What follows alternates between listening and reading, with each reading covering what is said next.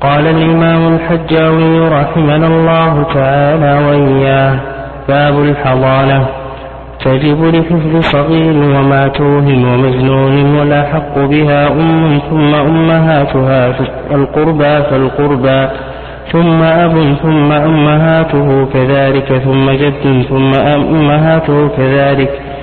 ثم أخت لأبوين ثم لأم ثم لأب ثم خالة لأبوين ثم لأم ثم لأب ثم عمات كذلك ثم خالات أمه ثم خالات أبيه ثم عمات أبيه ثم بنات إخوته وأخواته ثم بنات عمامه وعماته ثم بنات عمام أبيه وبنات عمات أبيه ثم لباقي العصبة الأقرب فالأقرب فإن كانت أنثى فمن محارمها ثم لذوي أرحامه ثم للحاكم وإن امتنع من له الحضانة أو كان غير أهل انتقلت إلى من بعده ولا حضانة لمن فيه رق ولا لفاسق ولا لكافر على مسلم ولا لمزوجة بأجنبي من محظور من حين عقد من حين عقد. فإن زال المانع رجع إليه حقه أو رجع إلى حقه. وإن أراد أحد أبويه سفرا طويلا إلى بلد بعيد ليسكنه وهو وطريقه آمنان فحضانته لأبيه وإن بعد السفر لحاجة أو قرب أو قرب لها أو للسكنى فلأمه فصل. وإذا بلغ الغلام سبع سنين عاقلا خير بين أبويه فكان مما فكان مع من اختار منهما. ولا يقر بيد من لا يصونه من لا يصونه ويصلحه.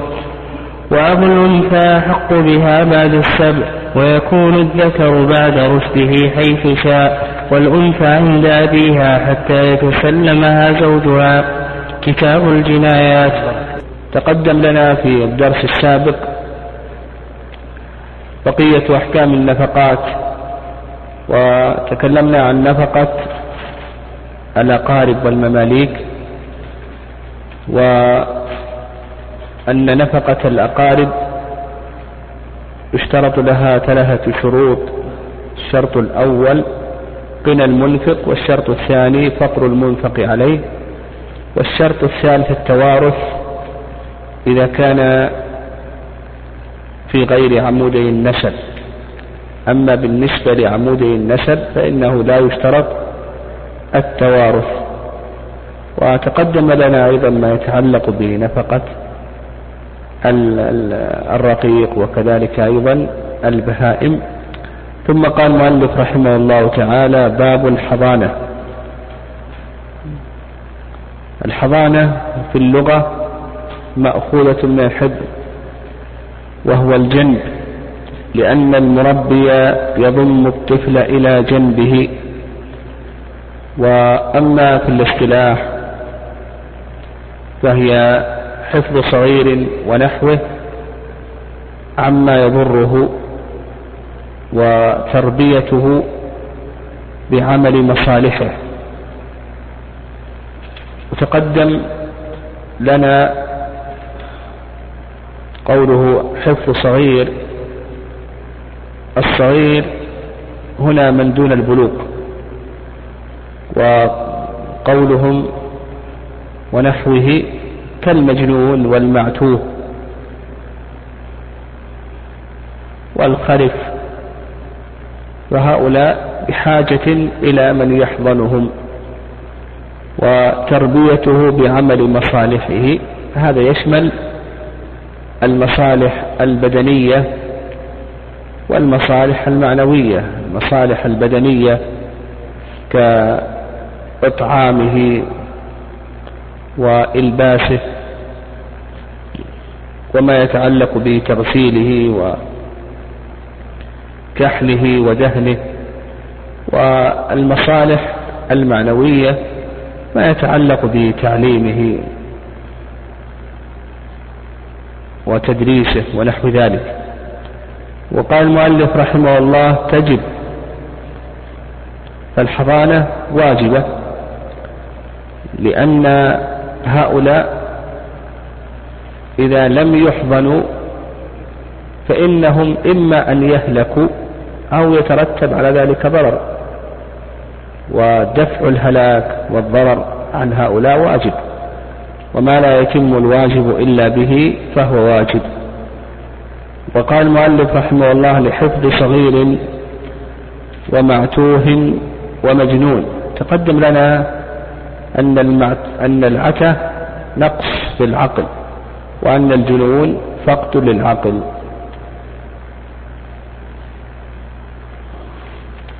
وأيضا تقدم لنا حكمة الحضانة وأن حكمة الحضانة هي حفظ هؤلاء وعمل مصالحهم.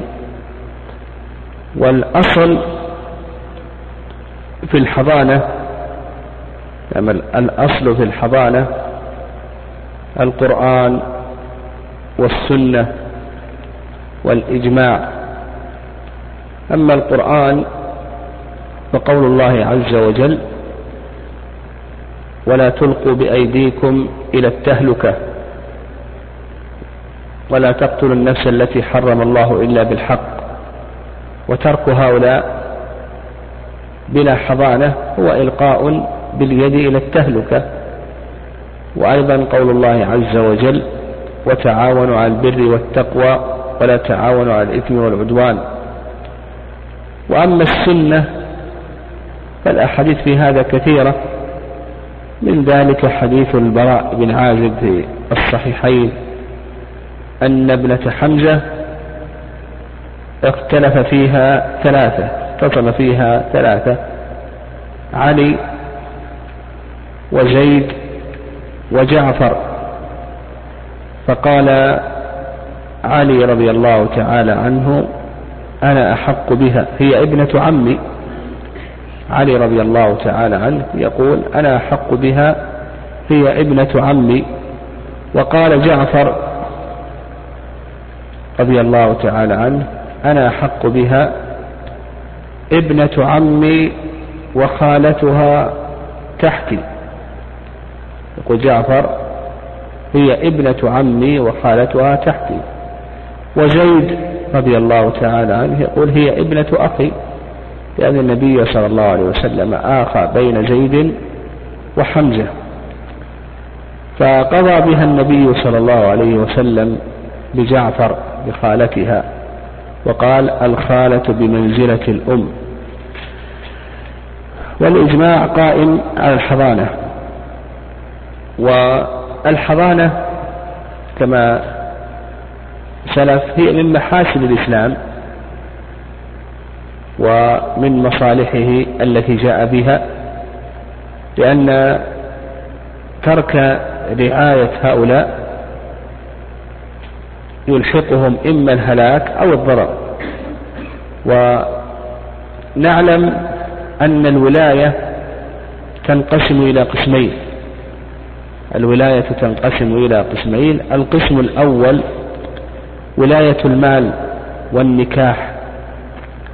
فهذه الولاية يقدم فيها الأب. ولاية المال والنكاح يقدم فيها الأب. لأن الأب في مثل هذه الأشياء أبصر من الأم. فهو يحتاط لمن تحت يده فيما يتعلق بماله.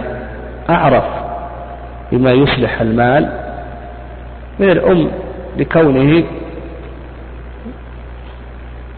يخالط الرجال الذين مهنتهم هي التجارة وكذلك أيضا في النكاح يقدم الأب فالأب يحتاط في البضع ما لا تحتاط الأم.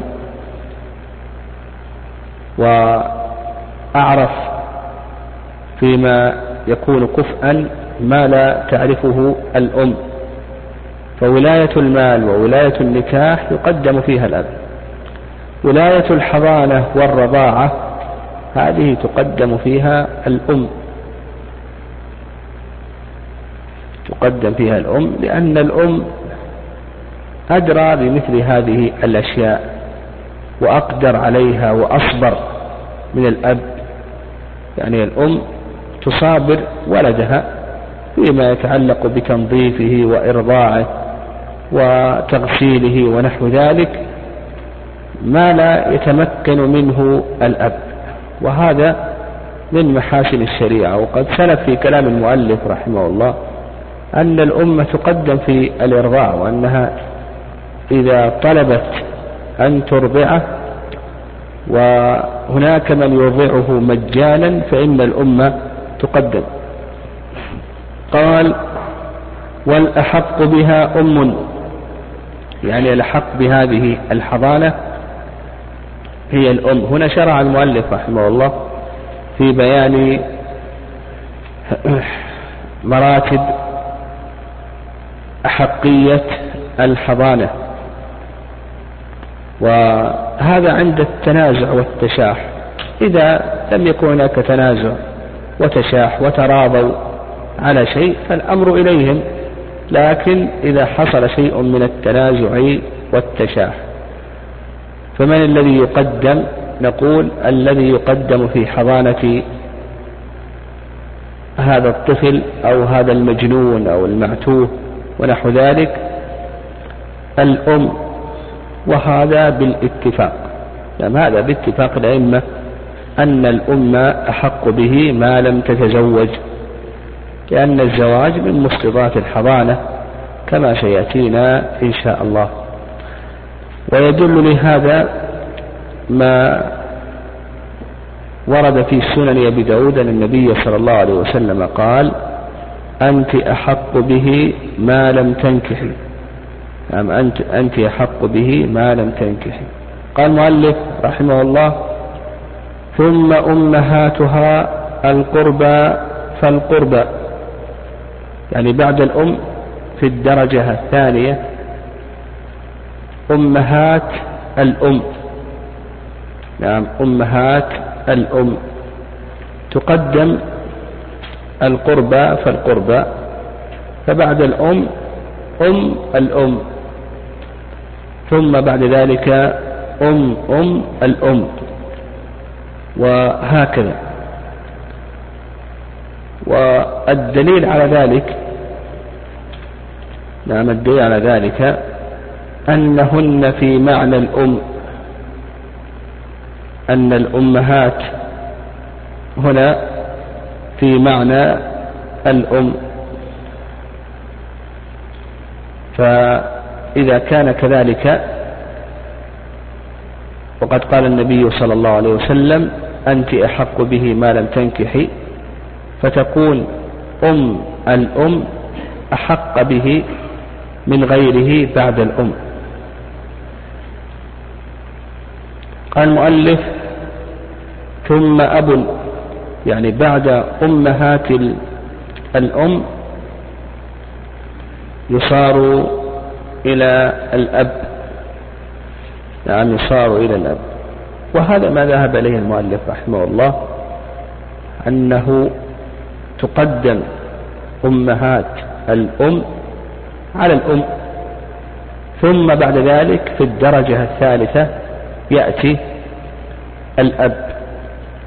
هذا ما ذهب إليه المؤلف رحمه الله تعالى. والرأي الثاني أنه في الدرجة الثانية هو الأب أن الأب مقدم على نعم أن الأب مقدم على أمهات الأم. نعم أن الأب مقدم على أمهات الأم. في الحضانة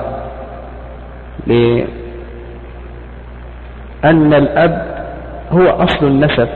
نعم الأب هو أصل النسب. وإنما قدمت يعني الأصل هو تقديم الأبوين وإنما قدمنا الأم على الأب لورود النص. ولما ذكرنا من أن ولاية من أن ولاية الحضانة والرضاعة إنما تقدم فيها تقدم فيها الأم. فالأب يأتي بعد الأم على الرأي الثاني وهذا القول هو الأقرب وسيأتي. قال المؤلف ثم أمهاته كذلك. هذه هي الدرجة الثالثة بعد الأب. أمهات الأب. يعني بعد الأب أمهات الأب. أم الأب وأم أم الأب وهكذا. قال ثم جد. هذه الدرجة الرابعة. نعم هذه الدرجة الأولى الأم ثم أمهاتها ثم الأب ثم أمهاته ثم الجد هذه الخامسة. هذه هي الدرجة الخامسة لأن الجد في معنى الأب. ثم أمهاته كذلك. يعني أمهات الجد. أبو الأب يعني أم أبي الأب بعد الجد. ثم أخت لأبوين. هذه الدرجة السادسة. نعم. أو السابعة. الدرجة السابعة. الأخت لأبوين. يعني بعد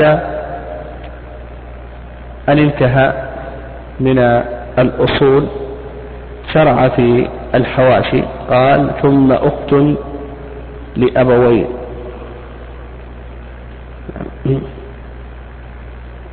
ثم لأم. ثم لأب. يعني تقدم الأخت لأبوين على الأخت لأم. ثم الأخت لأم تقدم على الأخت لأب.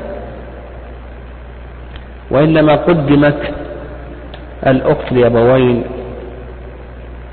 لأنها مقدمة في الميراث على الأخت لأم. ثم بعد ذلك الأخت لأم لأنهم يرون أن أقارب الأم يقدمون على أقارب الأب. فنقدم الأخت لأم ثم بعد ذلك الأخت لأب. ويقولون بأن أقارب الأم مقدمون على أقارب الأب لما تقدم من قول النبي صلى الله عليه وسلم أنت أحق به ما لم تنكحي. والرأي الثاني نعم هذا هو المذهب. والرأي الثاني أن أقارب الأب مقدمون على أقارب الأم. وهذا اختيار شيخ الإسلام تيمية رحمه الله وهو رواية عن الإمام أحمد. يعني اختيار شيخ الإسلام وهو رواية عن الإمام أحمد رحمه الله وأيضا اختيار ابن القيم. أن أقارب الأب مقدمون على أقارب الأم. واستدلوا على ذلك بأن أصول الشريعة يعني بأن أصول الشريعة تشهد بتقديم أقارب الأب. فأقارب الأب يقدمون يعني أقارب الأب يقدمون في في المال. والميراث والنكاح والموت فدل ذلك على تقديم أقارب الأب على أقارب الأم. وأما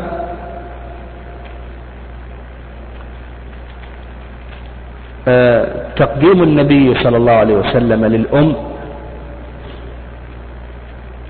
فإنه تقدم الأنثى على الذكر نعم تقدم الأنثى على الذكر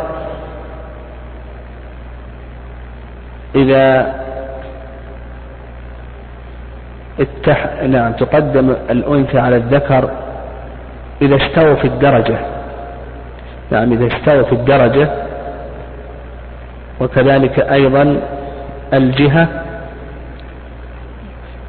وكان أحدهما ذكرا والآخر أنثى فإننا نقدم الأنثى على الذكر. يعني, يعني إذا اتحدت الدرجة والجهة كالأبوين والأخ مع الأخت مع الأخت والجد مع الجدة والعم مع العمة. هنا درجتهم واحدة وجهتهم واحدة فنقدم الذكر على الأنثى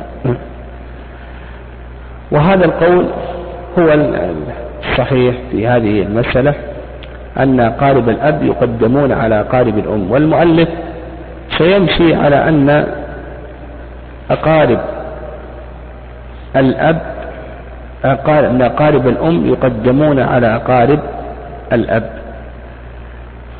وعلى هذا قدم الأخت لأم على الأخت لأب. رأي شيخ الإسلام تيمية رحمه الله أنه يقدم الأخت لأب على الأخت لأم. آه، كذلك أيضا هم يستدلون بما تقدم من حيث البراء بن عازب رضي الله تعالى عنه. فإن النبي صلى الله عليه وسلم قدم الخالة على العمة نعم قدم الخالة على العمة العمة صفية. ومع ذلك حكم به النبي صلى الله عليه وسلم أو حكم بهذه البنت لخالتها ولم يحكم به يحكم بها لصفية.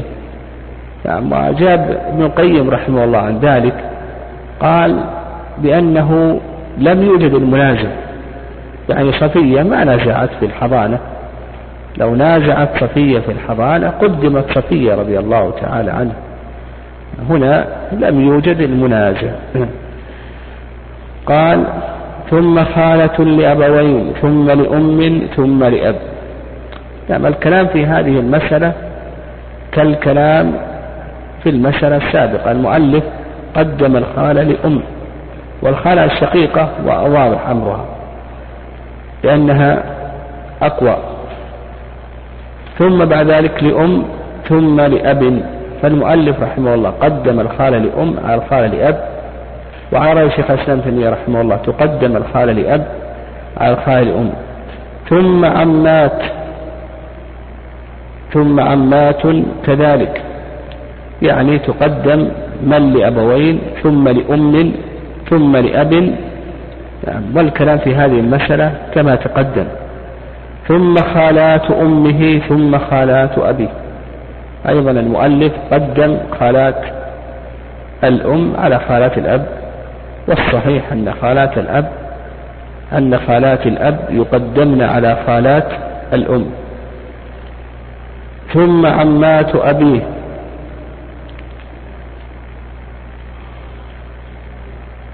نعم. ولم يذكر المؤلف رحمه الله عمات الأم لأنه يرى أنه لا حضانة لعمات الأم مع عمات الأب.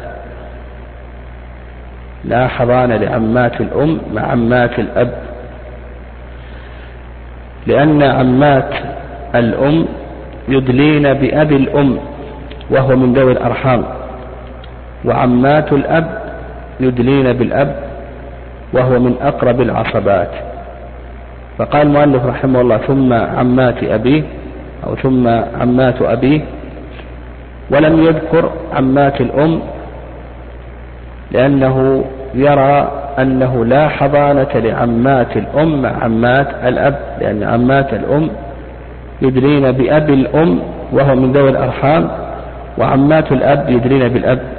قال ثم بنات إخوته. نعم ثم بنات إخوته.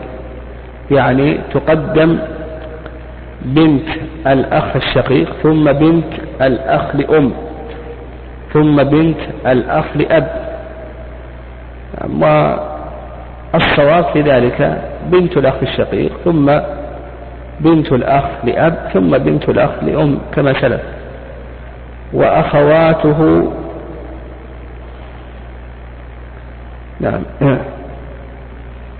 نعم بنات إخوته وأخواته يعني بنت الأخت الشقيقة ثم بنت الأخت لأم ثم بنت الأخت لأب. والكلام فيها كما سلف وعماته. يعني كذلك بنات العمات. يعني بنات العمات تقدم بنت العمة الشقيقة ثم لأم ثم لأب كما سلف. ثم بنات أعمام أبيه وبنات عمات أبيه على ما تقدم يعني تقدم من لأبوين ثم لأم ثم لأب كما سلف. ثم لباقي العصبة الأقرب فالأقرب. يعني ثم لباقي العصبة الأقرب فالأقرب. الخلاصة في هذا هذا الترتيب. يعني الخلاصة في هذا الترتيب. يعني يقول الخلاصة في هذا الترتيب أنه يقدم الأقرب مطلقا. يقول الخلاصة في ترتيب ولاية الحضانة أننا نقدم الأقرب مطلقا سواء كان من جهة الأب أو من جهة الأم. فإن كانوا سواء قدمت الأنثى. نعم. إذا كانوا سواء نعم قدمت الأنثى. نعم وهذا ما ذهب إليه شيخ الإسلام تيمية رحمه الله. يعني القاعدة عن شيخ الإسلام تيمية رحمه الله أنه يقدم الأقرب لكن إذا استوى في الجهة والدرجة فإننا نقدم الأنثى منهم منهما لأن النبي صلى الله عليه وسلم حكم به للأم. وعلى هذا تقدم أقارب الأب على أقارب الأم. يعني القاعدة تقدم الأقرب لكن إذا استووا في الجهة والدرجة فإنك تقدم ماذا؟ الأنثى منهم. وعلى هذا نقدم أقارب الأب على أقارب الأم. ونقول في توضيح كلام شيخ الإسلام نقول بأن الولاية تنقسم إلى أقسام. الولاية أو ولاية النكاح نقول بأنها تنقسم إلى أقسام. القسم الأول أن تستوي الجهة والدرجة. القسم الأول أن تستوي جهتهم ودرجتهم.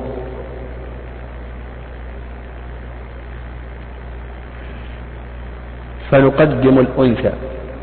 إذا استوت الجهة والدرجة نقدم الأنثى. استوت الجهة والدرجة واختلف الجنس بين الذكورة والأنوثة نقول نقدم الأنثى. مثال ذلك أب وأم.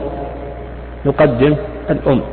جد وجدة نقدم الجدة. أخ وأخت نقدم الأخت. عم وعمة نقدم العمة وهكذا خال وخالة نقدم الخالة. فهذا القسم الأول أن تستوي درجتهم وجهتهم ويختلف جنسهم بين الذكورة والأنوثة فنقول نقدم الأنثى منهما. فأخ وأخت وعم وعمة وخال وخالة نقدم الأنثى منهما وهكذا. القسم الثاني نعم القسم الثاني أن تستوي الجهة والدرجة. القسم الثاني أن تستوي الجهة والدرجة ولا يختلف الجنس. أن تستوي الجهة والدرجة ولا يختلف الجنس. مثال ذلك كالأختين والعمتين والخالتين ونحو ذلك. هنا استوت الجهة والدرجة جهتهم واحدة.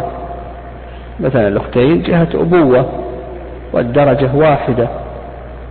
والجنس لم يختلف. والأخوين ونحو ذلك. فنقول نقدم من؟ ها؟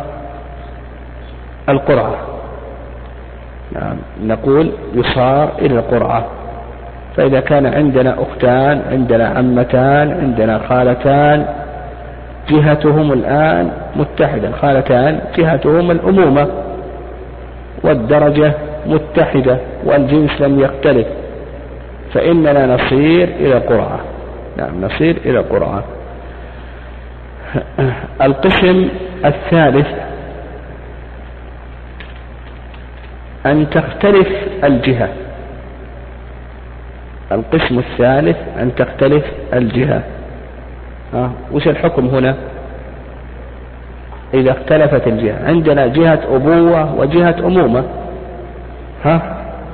أيوة. نقول تقدم جهة الأبوة. على رأي شيخ الإسلام. عند المذهب أنهم يقدمون جهة الأمومة.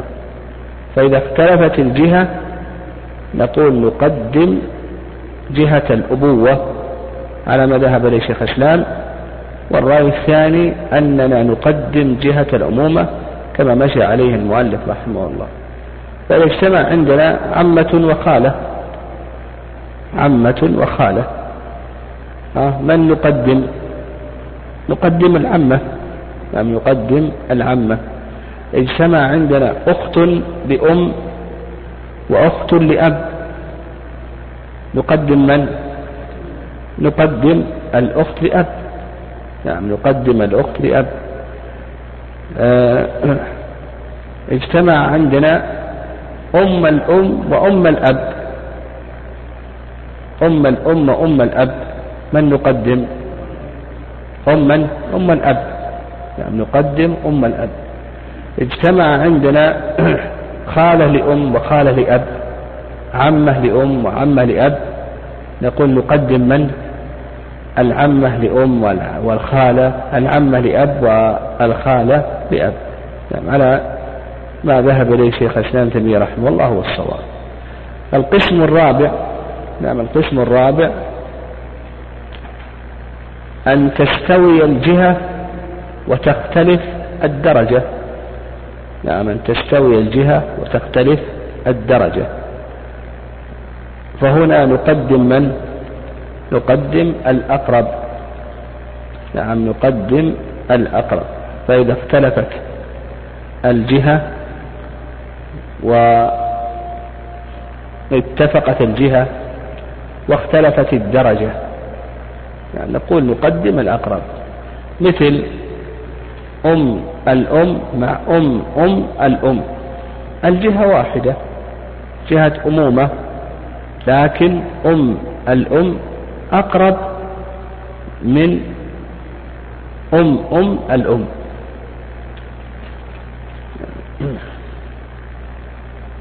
ومثل أيضا أم أم نعم مثل أم الأب مع أم أم الأب. نقدم أم الأب. يعني هذا هذه الأقسام التي ذكرنا يعني تلخص ما ذكر, ذكر المؤلف رحمه الله تعالى. ثم قال المؤلف رحمه الله تعالى فإن كانت أنثى فمن محارمها. نعم فإن كانت أنثى فمن محارمها. يعني الحضانة اشترط لها شروط. نعم الحضانة يشترط لها شروط.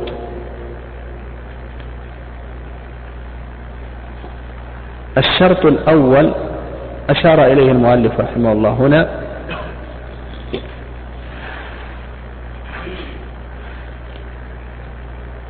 فإن كانت أنثى فمن محارمها. يعني يشترط هذا الشرط الأول أن يكون الحاضن محرما للأنثى.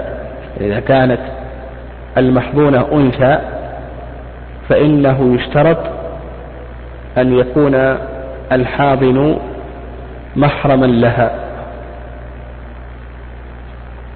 وذلك إذا تم لها سبع سنوات. نعم إذا تم لها سبع سنوات. لأنها قبل السبع لا حكم لعورتها. لكن إذا تم لها سبع فإنه يشترط أن يكون الحاضن محرما لها محرم لها بنسب أو رضاع أو مصاهرة كما سلف. وقال بعض العلماء اشترطوا أن يكون محرما لها إذا كانت تشتهى يعني لم يقيده بالسبع وإنما قيده بالحال.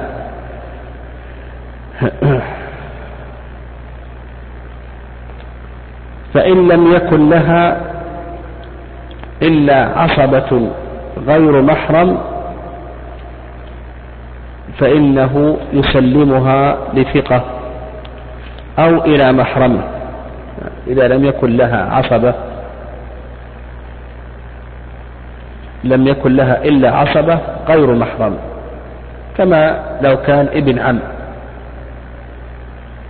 فإنه يسلمها لثقة أو إلى محرمه. قال المؤلف ثم لذوي أرحامه. ثم للحاكم. يعني بعدما ذكر المؤلف رحمه الله تعالى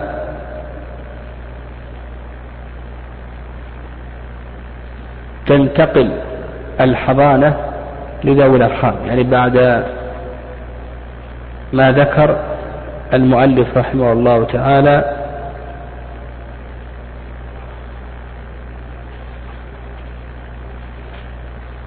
بعد الأم وأمهاتها والأب وأمهاته والجد والأخت لأبوين والعمات والخالات ونحو ذلك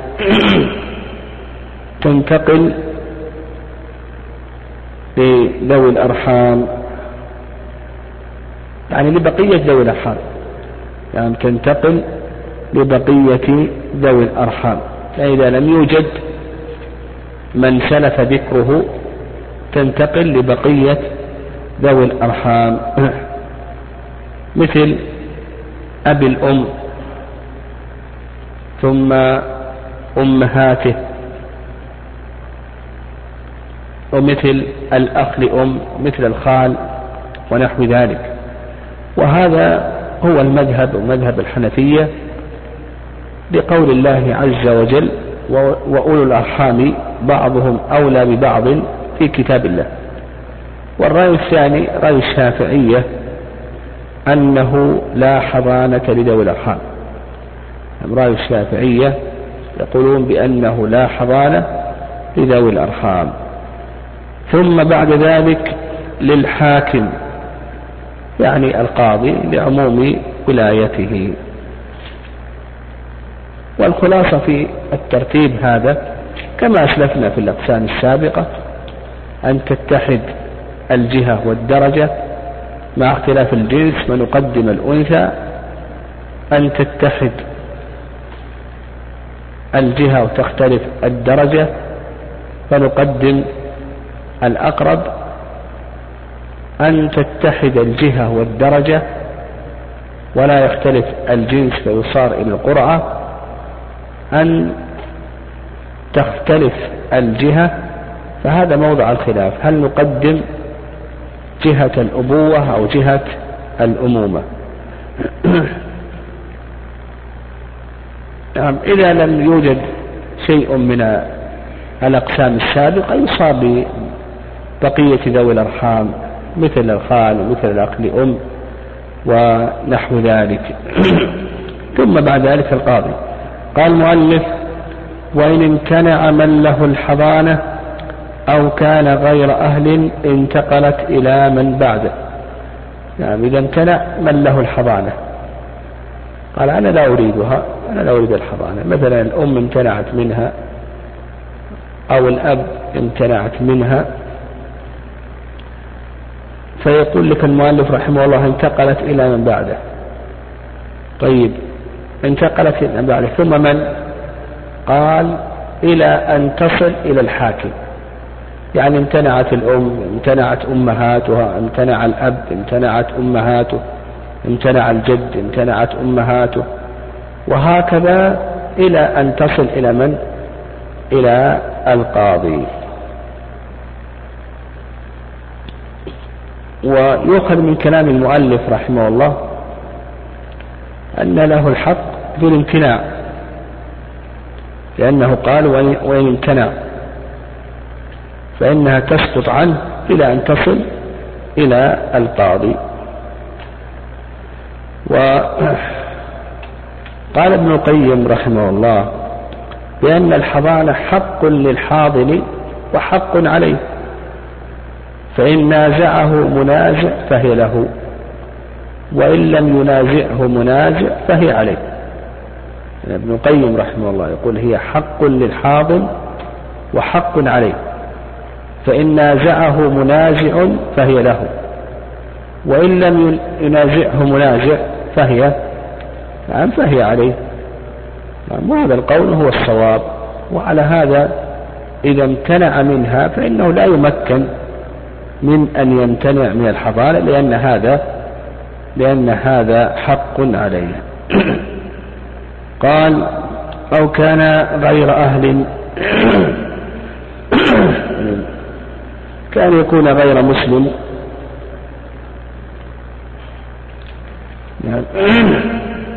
كان يكون غير مسلم. أو غير محرم لمن تم لها سبع كما سلف لنا. قال المؤلف انتقلت إلى من بعده. قال ولا حضانة لمن فيه رق. هذا الشرط الثاني. تقدم الشرط الثاني الأول. أن يكون محرما. يعني أن يكون محرما لمن بلغت سبعا وقيل لمن تشتهى فإن لم يكن إلا عصبة غير محرم فإنها تسلم لثقة أو إلى محرمه المهم لا يتولاها. الشرط الثاني قال ولا حضانة لمن فيه رق. يعني إذا كان رقيقا كما لو كان الأب رقيقا أو كانت الأم رقيقة فإنه لا حضانة له. من فيه رق هذا لا حضانة له. وهذا قول جمهور العلماء لأنهم يرون أنه لا ولاية له. الرقيق يقولون بأنه لا ولاية له. والرأي الثاني رأي المالكية والظاهرية أن الرق ليس مانعا من موانع الحضانة. فلا تشترط الحرية لعموم الأدلة كقول النبي صلى الله عليه وسلم الخالة بمنزلة الأم. وهذا يشمل الخالة الحرة والرقيقة. قوله عليه الصلاة والسلام أنت حق به ما لم تنكحي. وهذا القول هو الصواب. قال ولا لفاسق. هذا الشرط الثالث العدالة. يعني وهذا ما عليه جمهور العلماء رحمهم الله. وذهب ابن القيم رحمه الله إلى أن العدالة ليست شرطا. ابن القيم رحمه الله تعالى يرى أن العدالة ليست شرطا.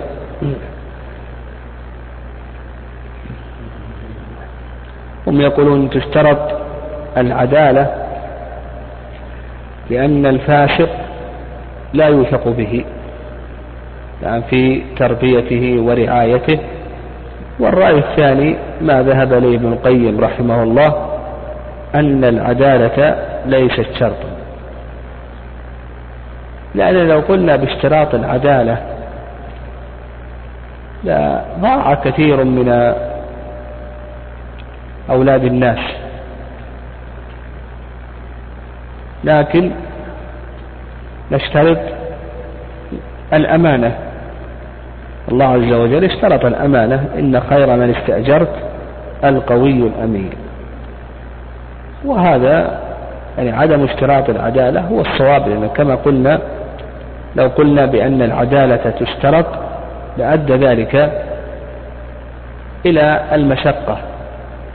فإن كثير من الناس اليوم ليس عدلا لكن تجده أمينا على من تحت يده من الصبيان والمعتوهين والمجانين ونحو ذلك.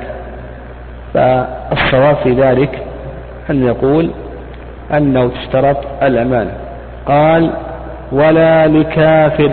هذا الشرط الرابع الإسلام أن يكون الحاضن مسلما. فإن كان كافرا فإنه لا حضانة له. كافر لا حضانة له. وهذا ما عليه جمهور أهل العلم خلافا للمالكية نعم المالكية يثبتونها للكافر. والصحيح ما عليه جمهور أهل العلم أنه لا حضانة الكافر بقول النبي صلى الله عليه وسلم ما من مولود يولد إلا على الفطرة. فأبواه يهودانه أو ينصرانه أو يمجسانه. فدل ذلك على أن الكافر له أثر. نعم الكافر له أثر في التربية. فنقول اشترط أن يكون مسلما. قال ولا لمزوجة لأجنبي من محظون من حين عقد. نعم لا مزوجة من أجنبي. هذا الشرط الخامس. فإن كان فإذا تزوجت الأم سقطت حضانتها كما تقدم من قول النبي صلى الله عليه وسلم أنت أحق به ما لم تنكحي. وهذا ما عليه جمهور أهل العلم. أنها تسقط الحضانة بالزواج. إذا تزوجت من أجنبي من المحظوظ. هذا ما عليه الجمهور ويشكلون بما وردنا من الحديث. والرأي الثاني نعم الرأي الثاني رأي الظاهرية أن الحضانة لا تسقط بزواج الأم. واستدلوا على ذلك بأن أنسا رضي الله تعالى عنه كان عند أمه. أنس كان عند أمه عند أبي طلحة. يعني أنس كان عند أمه عند أبي طلحة. ومع ذلك ما سقطت حضانة أمه. يعني وأجاب الجمهور عن هذا بأنه لم يوجد منازع. ولا تسقط الحضانة. إذا وجد منازع أما هنا فلم يوجد منازع. فنقول بأن الحضانة تسقط بمزوجة من أجنبي. وقال المؤلف رحمه الله من أجنبي. ما المراد بالأجنبي هنا؟ يعني المراد بالأجنبي هنا من ليس من عصبات المحظون يعني من أجنبي من لم يكن من عصبات المحظون فإن تزوجت بعصبة من عصبات المحظول لم تسقط حضانتها. ويدل لهذا أنها لا تسقط الحضانة إذا تزوجت من أقارب المحظون من عصبات المحظون قصة ابنة حمزة السابقة. فحكم بها النبي صلى الله عليه وسلم بخالتها لأنها متزوجة بقريب منها من عصباتها فلم تسقط. واختلف العلماء رحمه الله في العلة. ما هي العلة في سقوط الحضانة؟ إذا تزوجت المرأة. يعني ما هي العلة في سقوط الحضانة لزواج المرأة؟ على رأيين الرأي الأول قالوا بأن العلة هي ما يحصل على الطفل من المنة. يعني ما يحصل على الطفل من المنة على الطفل. يعني منة الزوج الجديد على الطفل. والرأي الثاني قالوا بأن العلة في سقوط الحضانة هي حق الزوج. ولا شك أن أن حضانة هذا الطفل قد يفوت شيئا من الاستمتاع على الزوج. فقالوا بأن العلة هي حق الزوج. وعلى هذا لو وافق الزوج إذا قلنا بأن العلة هي حق الزوج لو وافق الزوج ها تكون هي أحق به؟ نعم تكون هي أحق به. وإذا قلنا بأن العلة هي المنة فإن كان قريبا منه نعم لم تسقط حضانتها لأن القريب مع قريبه تبعد فيه المنة. وقال المؤلف رحمه الله من حين عقد يعني الحضانة هل تسقط بمجرد العقد أو تسقط بالدخول؟ نعم هل تسقط بمجرد العقد أو تسقط بالدخول؟ يقول لك المؤلف رحمه الله بأنها تسقط بمجرد العقد لقول النبي صلى الله عليه وسلم أنت أحق به ما لم تنكحي وهذا يصدق عليها أنها نكحت. أنها نكحت. وأيضا يعني الأم إذا عقد عليها فإنها ستشتغل بأمور النكاح الجديدة وهذا سيشغلها عمن تحت يدها من المحظونين. والرأي الثاني أنه لا تسقط الحضانة إلا بالدخول. الرأي الثاني أنها لا لا تسقط الحضانة إلا بالدخول.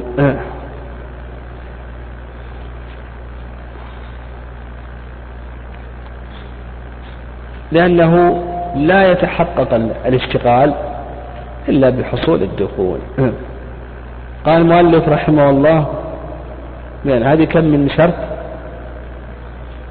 خمسة شروط. أيضا من الشروط أيضا من الشروط آه، أيضا يشترط آه، عدم المرض المعدي بالنسبة للحاضر. الحاضر أيضا اشترط ألا يكون فيه مرض معدل وأيضا السادس الشرط السادس أن يكون مكلفا. حاضن اشترط أن يكون مكلفا بأن يكون بالغا عاقلا. وأيضا الشرط الثامن القدرة على القيام بالحضانة وهذا مهم لقول الله عز وجل إن خير من استأجرت القوي الأمين. والشرط الأخير آه، أمن المكان. يعني الشرط الأخير أمن المكان. قال المؤلف فإن زال المانع رجع إلى حقه. إذا زال المانع كما سلف بأن عتق الرقيق وتاب الفاسق وأسلم الكافر يقول المؤلف رحمه الله رجع إلى حقه لوجود السبب وانتفاء المانع. قال وإن أراد أحد أبويه سفرا إذا وإن أراد أحد أبويه سفرا طويلا. السفر الطويل إذا قالوا طويل فالمراد به ماذا؟ ما بلغ مسافة قصر والقصير ما دون مسافة القصر. إذا وإن أراد أحد أبويه سفرا طويلا إلى بلد بعيد. البلد البعيد ما كان مسافة قصر فأكثر ليسكنه وهو وطريقه آمنان فحضانته لأبيه. نعم حضانته لأبيه. يقول لك المؤلف رحمه الله إذا أراد أحد الأبوين سفرا طويلا. سفر والسفر يكون طويل وليسكنه ولا يقصد المضارة يقول لك الحضانة لأبيه. إيه. وعلى هذا تسقط حضانة الأم هنا. وتصير للأب. لأن الأب هو الذي يقوم بتأديبه وتخريجه إلى آخره. وإن بعد السفر لحاجة. السفر مسافة قصر فأكثر لكنه لا للسكنى وإنما لحاجة. أو قرب. يعني السفر قريب. لها أي لحاجة وسيعود. أو للسكنى يعني أو للسكنى فلأمه. يعني إذا كان بعيدا لحاجة سيرجع أو قريبا لحاجة. يقول لك المؤلف رحمه الله لها أي للأم.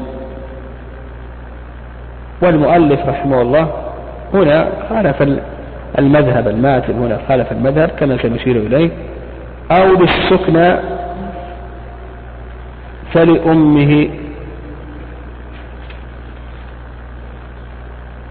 يعني إذا كان السفر قريبا للسكنى يقول لك لأمه. الخلاصة في السفر يعني إذا أراد أحد أبويه سفرا الخلاصة في ذلك نقول بأنه ينقسم إلى أقسام.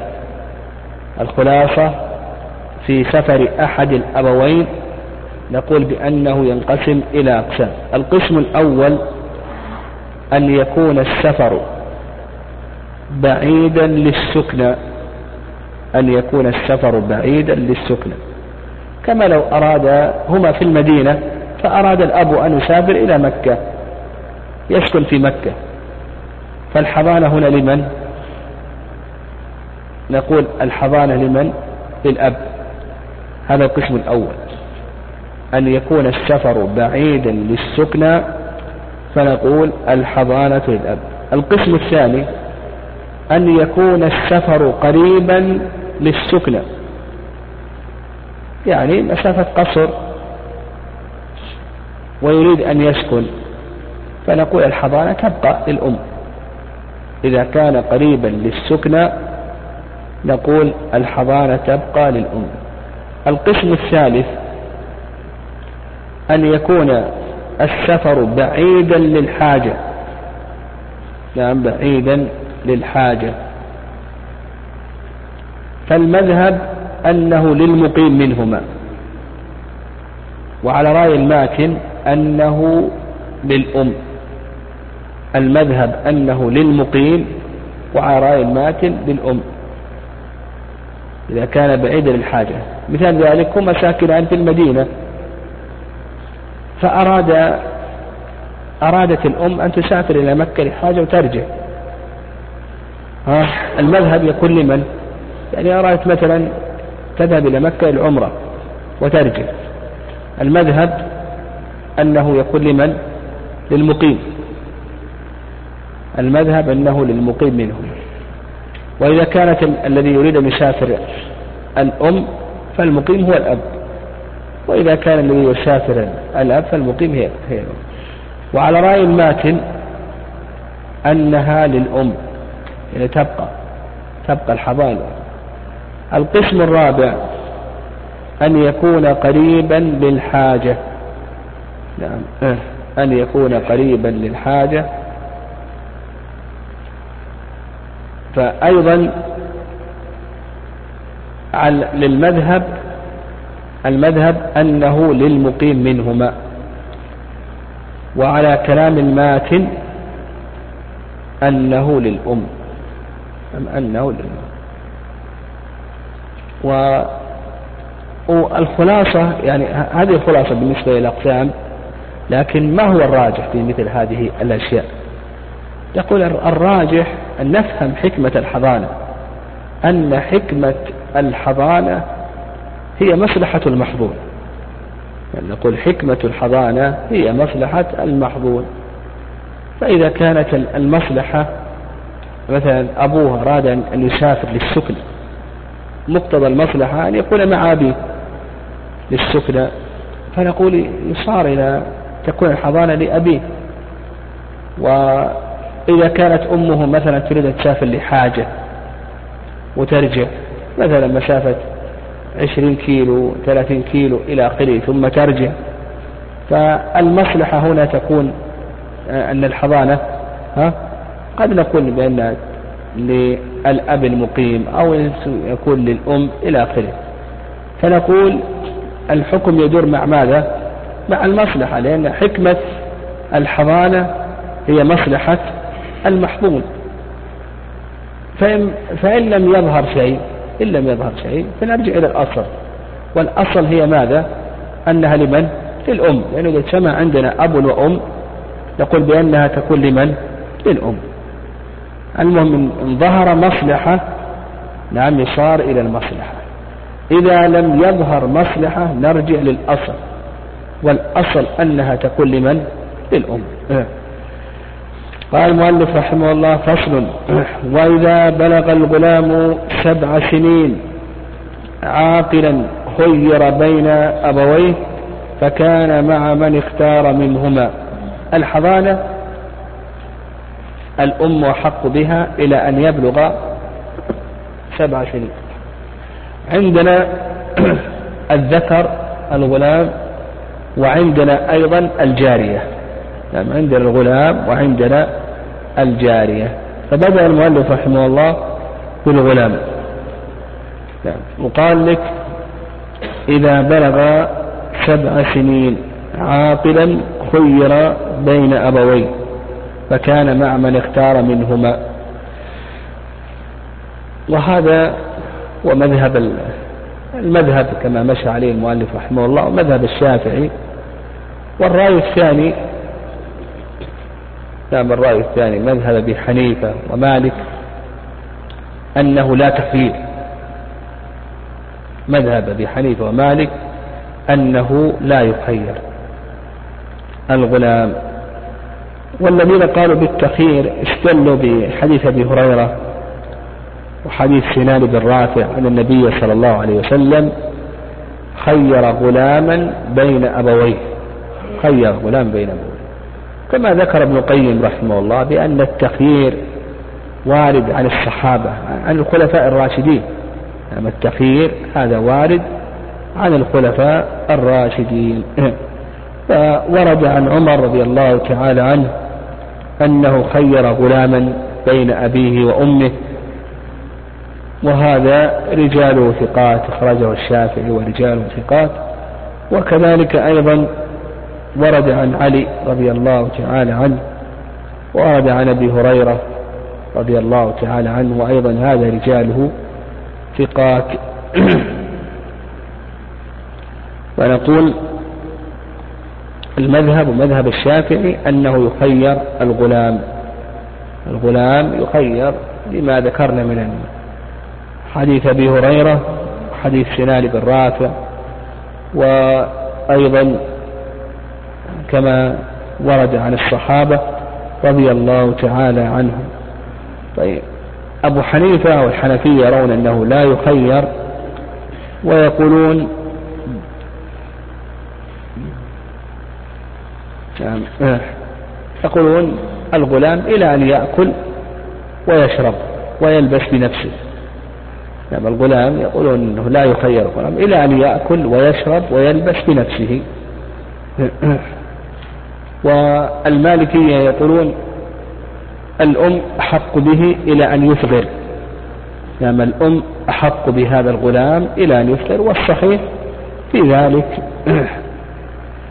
أنه يخير كما وردت في ذلك الآثار. وقال المؤلف رحمه الله سبع سنين. هذا هو المذهب مذهب الشافعي أن التخيير إذا بلغ سبع سنوات. نعم.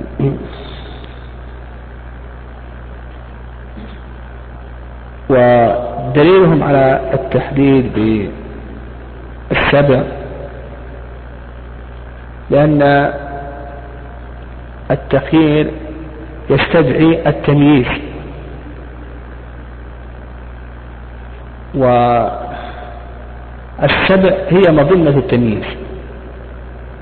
يعني يستدعي التمييز والسبع هي مظنة التمييز وأيضا يعني يؤيد قولهم هذا قول النبي صلى الله عليه وسلم مروا أولادكم بالصلاة وهم أبناء سبع. والرأي الثاني ذهب إليه إسحاق بن راهوية أنه يخير إذا بلغ خمس سنوات. إذا بلغ خمس سنوات. نعم. لأن الخمس قالوا هي التي يصح فيها السماع قال خير بين أبويه فكان مع من اختار منهما. طيب فإن اختارهما جميعا نعم إن اختارهما جميعا فإنه يصار إلى ما؟ إلى ماذا؟ إلى قرعة يصير إلى قرعة فإن اختار أباه ثم رجع إلى أمه فإنه يرد نعم يرد إلى أمه. قال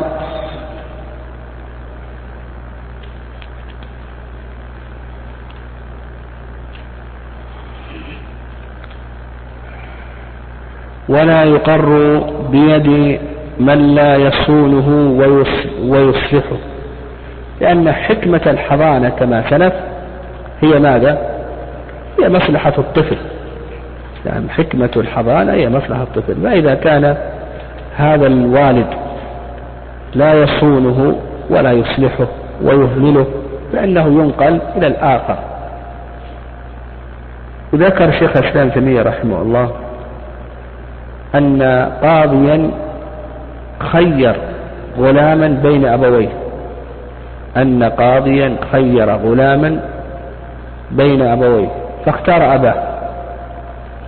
فقالت المرأة للقاضي سله ما باله اختار أباه. فسأل القاضي الطفل لماذا اخترت أباك؟ فقال بأن أمي تلزمني أن أذهب إلى الكتاب وأبي يتركني ألعب مع الصبيان. فرده إلى أمه فيقول بأنه إذا كان هذا من اختاره لا يصونه ولا يصلحه فإنه لا يقر بيده وإنما ينقل للآخر. قال وأبو الأنثى أحق بها بعد السبع. الأنثى لا تخير كما يعني ال ال على كلام المؤلف أن التخيير لمن؟ للغلام فقط. على كلام المؤلف أن التخيير للغلام فقط. وأما الأنثى فإنها لا تخير. بعد السبع تكون تكون عند من؟ ها؟ عند أبيها وعلى رأي أبي حنيفة ومالك الأنثى هل تخير أو لا تخير؟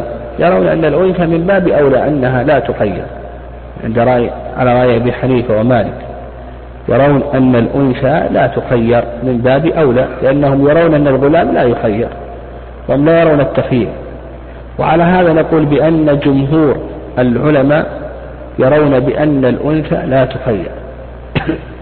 والشافعي يرى أن الأنثى تخير. فعندنا الجمهور أن الأنثى لا تخير. والشافعي رحمه الله تعالى يرى أن الأنثى تخير. والجمهور يستدلون على هذا يعني أما رأي الحنفية والمالكية في عدم التخيير فهذا كما سلف لكن الحنابلة قصروه قصروه على الغلام قالوا بأن التخيير إنما كان للطفل. التخيير إنما كان للطفل الذي ورد التخيير له هو الطفل فيقتصر عليه. والشافعية ما ثبت في حق الذكر ثبت في حق الأنثى. يعني يقولون ما ثبت في حق الذكر ثبت في حق الأنثى. وإذا قلنا يعني على رأي الجمهور بأن الأنثى لا تخير عند من تكون؟ نعم عند من تكون؟ المذهب أنها تكون عند أبيها. يعني بعد السابعة يستلمها أبوها. وعند أبي حنيفة رحمه الله تعالى وكذلك أيضا مالك عند أبي حنيفة ومالك أنها تكون عند أمها وعلى هذا الأنثى تستمر عند أمها. أبو حني... الإمام أحمد يرى أنها تكون عند أبيها بعد السابعة ومالك أو أبو حنيفة ومالك أنها تستمر عند أمها. ويقولون تكون الأب الأنثى أحق بها نعم أحق بها. آه، نعم حتى يتسلمها زوجها لأنه أبو الأنثى يكون أحق بها من الأم بعد السابعة لأنه آه، آه، سيعمل لمصلحتها من تزويجها. وحفظها وصيانتها ونحو ذلك. والرأي الثاني نعم الرأي الثاني كما قلنا رأي أبي حنيفة ومالك أنها تكون عند أمها حتى يتسلمها زوجها. يعني ما تخير وتبقى عند أمها حتى يستلمها زوجها. والدليل على هذا قالوا بأن مصلحتها عند الأم أكثر من مصلحتها عند الأب. فإن الأم إذا كانت عندها البنت تتعلم منها أمور النساء تتعلم منها أمور النساء من الطبخ والخياطة وعمل البيت ونحو ذلك. ومدار الحضانة نعم مدار الحضانة على المصلحة. نعم مدار الحضانة على المصلحة. وأيضا من الأدلة على ذلك أن الأب جرت العادة في أنه يخرج لطلب المعاش والأم تكون في قدرها وبيتها فكون البنت تكون عندها يكون هذا أصلح. يكون أصلح وما ذهب إليه أبو حنيفة ومالك والذي رجحه ابن القيم رحمه الله وأنها تكون عند أمها حتى يتسلمها زوجها. قال ويكون الذكر بعد رشده حيث شاء. خلاص إذا رشد الذكر يكون حيث شاء.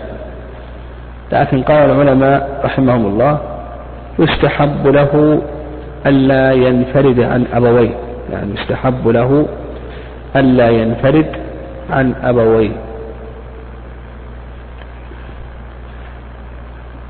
ويعني إذا رشد يعني وبلغ وهو عاقل يكون حيث شاء لكن يستحب له ألا ينفرد عن أبويه لأنه إذا بلغ أصبح مكلفا.